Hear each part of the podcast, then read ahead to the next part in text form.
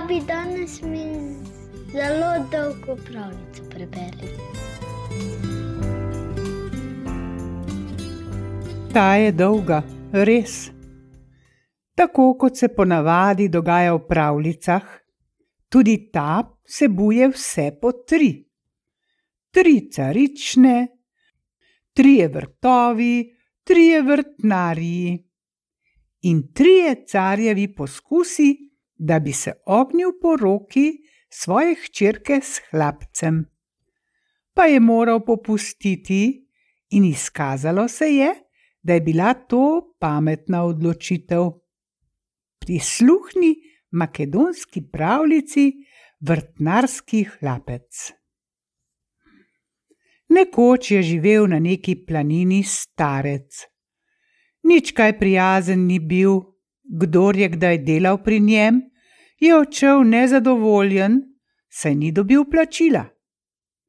Takrat je živel tudi mladenič, zelo velik junak in zelo velik revež. Ker je bil zelo pogumen in zelo reven, se je po svetu odpravil iskat srečo. Hodil je po gorah in planinah in zagledal grad. Potrkal je na vrata.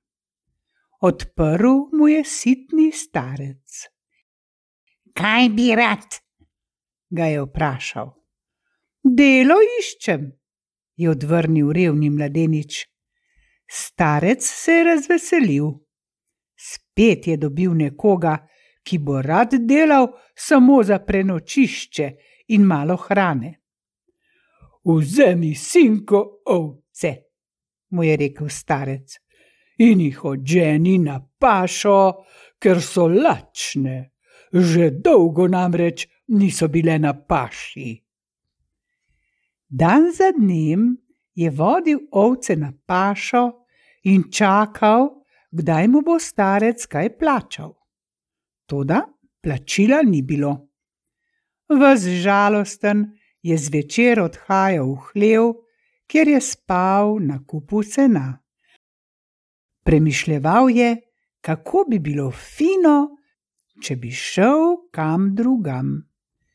Neko noč, ko se je premetaval v senu, je k njemu pristopil kon. Zahrzal je in spregovoril: Dobro, fant, ti bi rad odtud pobegnil, mu je rekel kon. Pa tudi jaz si želim še kam drugam. Toda starec naj ne bo kar tako pustil odtud zajahal bo mulo, naj jo dohitev in odgnal nazaj. Tudi, kaj naj storiva? ga je vprašal mladenič. Povej mi, če si dovolj pameten. Vzemi glavnik, malo soli in steklenico olja, potem pa zbeživa, je rekel kon mladeniču. Mladenič je vzel glavnik, malo soli in steklenico olja, zajahal konja in se spustil v beg. Starec se je prebudil, ko je zaslišal hrzanje in topot kopit. Planil je v hlev, osedlal in zajahal mulo in se spustil za njima. Kmalo jo je dohitel in ko ga je kon zagledal, je zaklical mladeniču.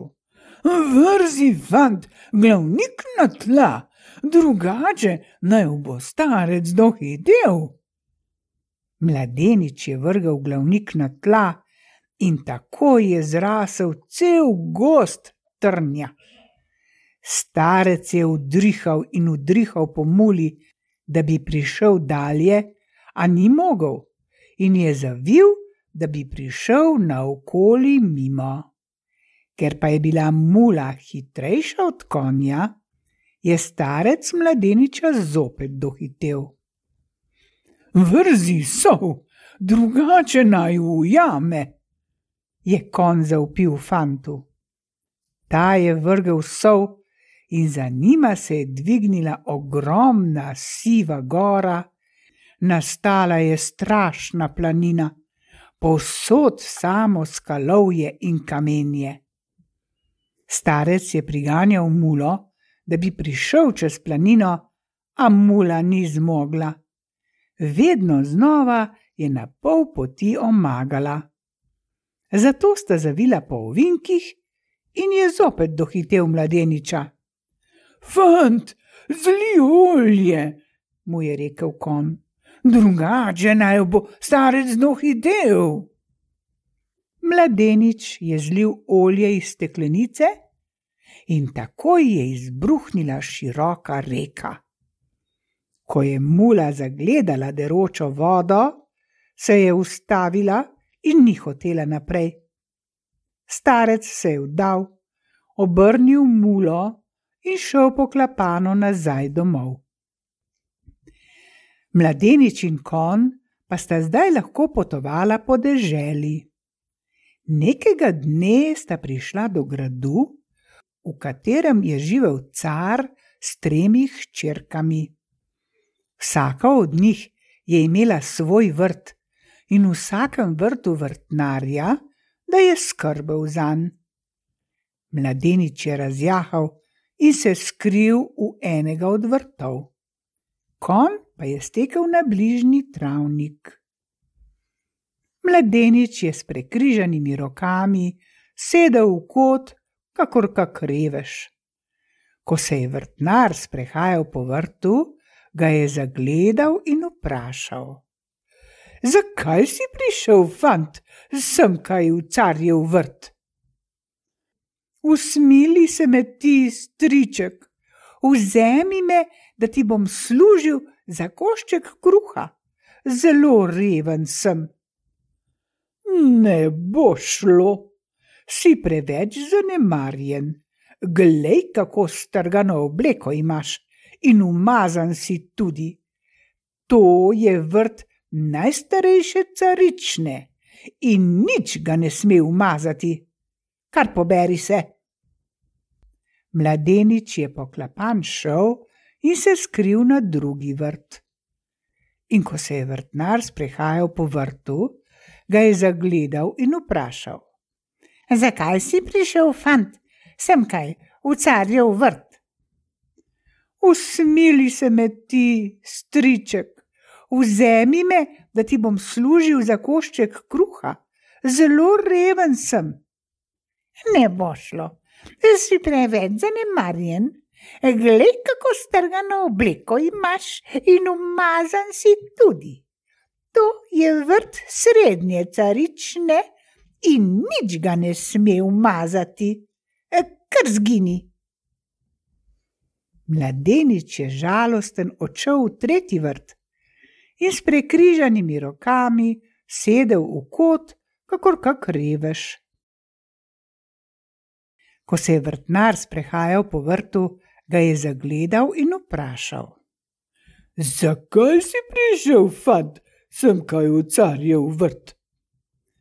Usmili se me ti, striček, vzemi me, da ti bom služil za košček kruha. Zelo reven sem. Ko je vrtnar slišal te žalostne besede, se ga je usmilil in ga najel, da mu bo služil na vrtu. Tako je fant po dnevi delal v vrtu, po noči pa je spal v kurniku. Mlada carična se je vsak dan sprehajala po svojem vrtu in mladeniču je bila na vso moč všeč. Neko jutro, ko je videl, da carična spet prihaja na vrt, je požvižgal in pritekel je njegov kon. Zajahal ga je, se približal carični in jo povabil v sedlo. Najprej je malo oklevala, potem pa, ko je videla, kako postaven je mladenič, se je usedla pred njim na konja. Jahala sta in carični je fant postajal zelo všeč. Od takrat je vsak dan prihajala na vrt in vsak dan sta skupaj s fantom jahala, se pogovarjala in vsak dan je bila bolj zaljubljena. Razmišljala je o tem, kako bi lahko navadni hlapec postal njen mož. Nekega večera je pregovorila svoji dve sestri, da so carja prosile, naj jih omoži. Vse tri so sitnarile in prosile, in car se je na zadnje odločil, da jim bo ustregal. Dal je narediti tri zlata jabolka. Na to je sklical vse mladeniče od blizu in daleč. Fantje so se zbrali pred gradom, fanfare so zatrobile, in vse tri carične so prišle iz gradu. Usedle so se na široko klop, v rokah so držale zlata jabolka. Car je zapovedal, naj vsi mladeniči hodijo pred njegovimi hčerami gor in dol. In res, najstarejši carjevi hčeri je bil všeč bogato oblečen mladenič. Vrgla je jabolko, ga zadela, izbrani mladenič je pobral jabolko in se usedel k njej na klop. Ostali fantje pa so spet začeli hoditi sem in tja. Tudi srednja hči se je kmalo odločila in je vrgla jabolko visokemu mladeniču, ki ji je bil všeč. Ta je ujel jabolko in se usedel k dekletom na klop. Fantje so znova začeli hoditi sem in tja. Najmlajša carična je vrgla jabolko in zadela svojega izvoljenca. Car in vsi okoli njega so zaupili. To je pomota, saj to je hlapec, zmotila si se. Car je ukazal, da morajo izbiro ponoviti. Bodi bolj natančna, hčerka moja, jo je opozoril car. Mladeniči so drugič začeli hoditi gor in dol. Carična je znova vrgla jabolko, ki je znova zadelo vrtnarjevega pomočnika. Spet so se vsi zgražali in bili prepričani, da je ciljala koga drugega in po nesreči zadela ravno tega hlapca. In spet so morali vse skupaj ponoviti. Nič ni pomagalo, tudi v tretje je zadela ravno tega mladeniča. Ko je car spoznal, da je njegova najmlajša hčerka vsakokrat namenoma zadela vrtnarjevega pomočnika, ga je minila vsa ljubezen, ki jo je čutil do nje, in jezno ji je zaklical: Dobro, izbrala si hčerka, njega si si izbrala in mene osramotila. Pojdi z njim in ne vračaj se nazaj v grad. Vzela je torej hlapca za moža in odšla z njim stanovati v kurnik. Car in starejši hčerki in njuna moža so živeli v gradu in se za hlapca in njegovo ženo, najmlajšo carično, niso zmenili. Vendar mir ni trajal dolgo. Kralj sosednje dežele je sklenil napasti to deželo in car ter oba carjeva zeta so morali na čelu vojske v spopad. Bilo je hudo. Bitka je trajala že več dni in noči, ni bilo videti, da bo carju uspelo obraniti svojo deželo. Tedaj je od nekod prijahal čeden fant z ruto čez obraz, se pognal v sovražne vrste in jih nagnal v beg. Toda med bojem ga je nek sovražni vojak sulico zabodel v desno nadlaket. Ko je car videl njegovo rano, je potegnil svoj zlatom obrobljeni robec in mu rano obvezal. Zahvalil se mu je za pomoč, fant pa je samo skomignil z rameni in odjahal. Ko se je car vrnil domov, je zvečer povabil vse velikaše, da bi proslavili zmago. Najmlajša hčerka je odšla k carju in ga prosila, da bi smela tudi ona dva priti. Ker je bil dobre volje zaradi zmage, je privolil. Prav, pridita, je rekel. Vendar lahko sedita čisto tam spodaj, da mi vaju ne bo treba gledati. Prinesli so hrano na mizo. Takrat niso jedli z vilicami, hrano so prijemali z rokami. In ko so pojedli, so sluge prinesli vedra z vodo, da so si gostje lahko umili roke. Vsi so se potem obrisali s svojimi robci, in tudi naš mladenič je svojega potegnil iz rokava. Vsi so osupnili, ko so videli prekrasen, zlatom obrobljen robec. Začeli so si še petati, in nemir je vzbudil pozornost tudi carju. Ozrl se je navzdol po mizi in opazil svoj robec. Kje pa si našel ta robec zet? Komu si ga ukradel? ga je obtožil. Saj si mi ga ti dal, presvetli car, mu je rekel ta. Se ne spominjaš? V boju sem bil ranjen v nadlaket in ti si oskrbel mojo rano. Mar si to bil ti, zet? se je začudil car.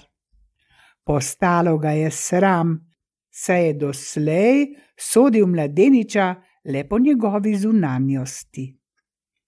Prijel ga je za roko in poklical tudi svojo najmlajšo hčerko.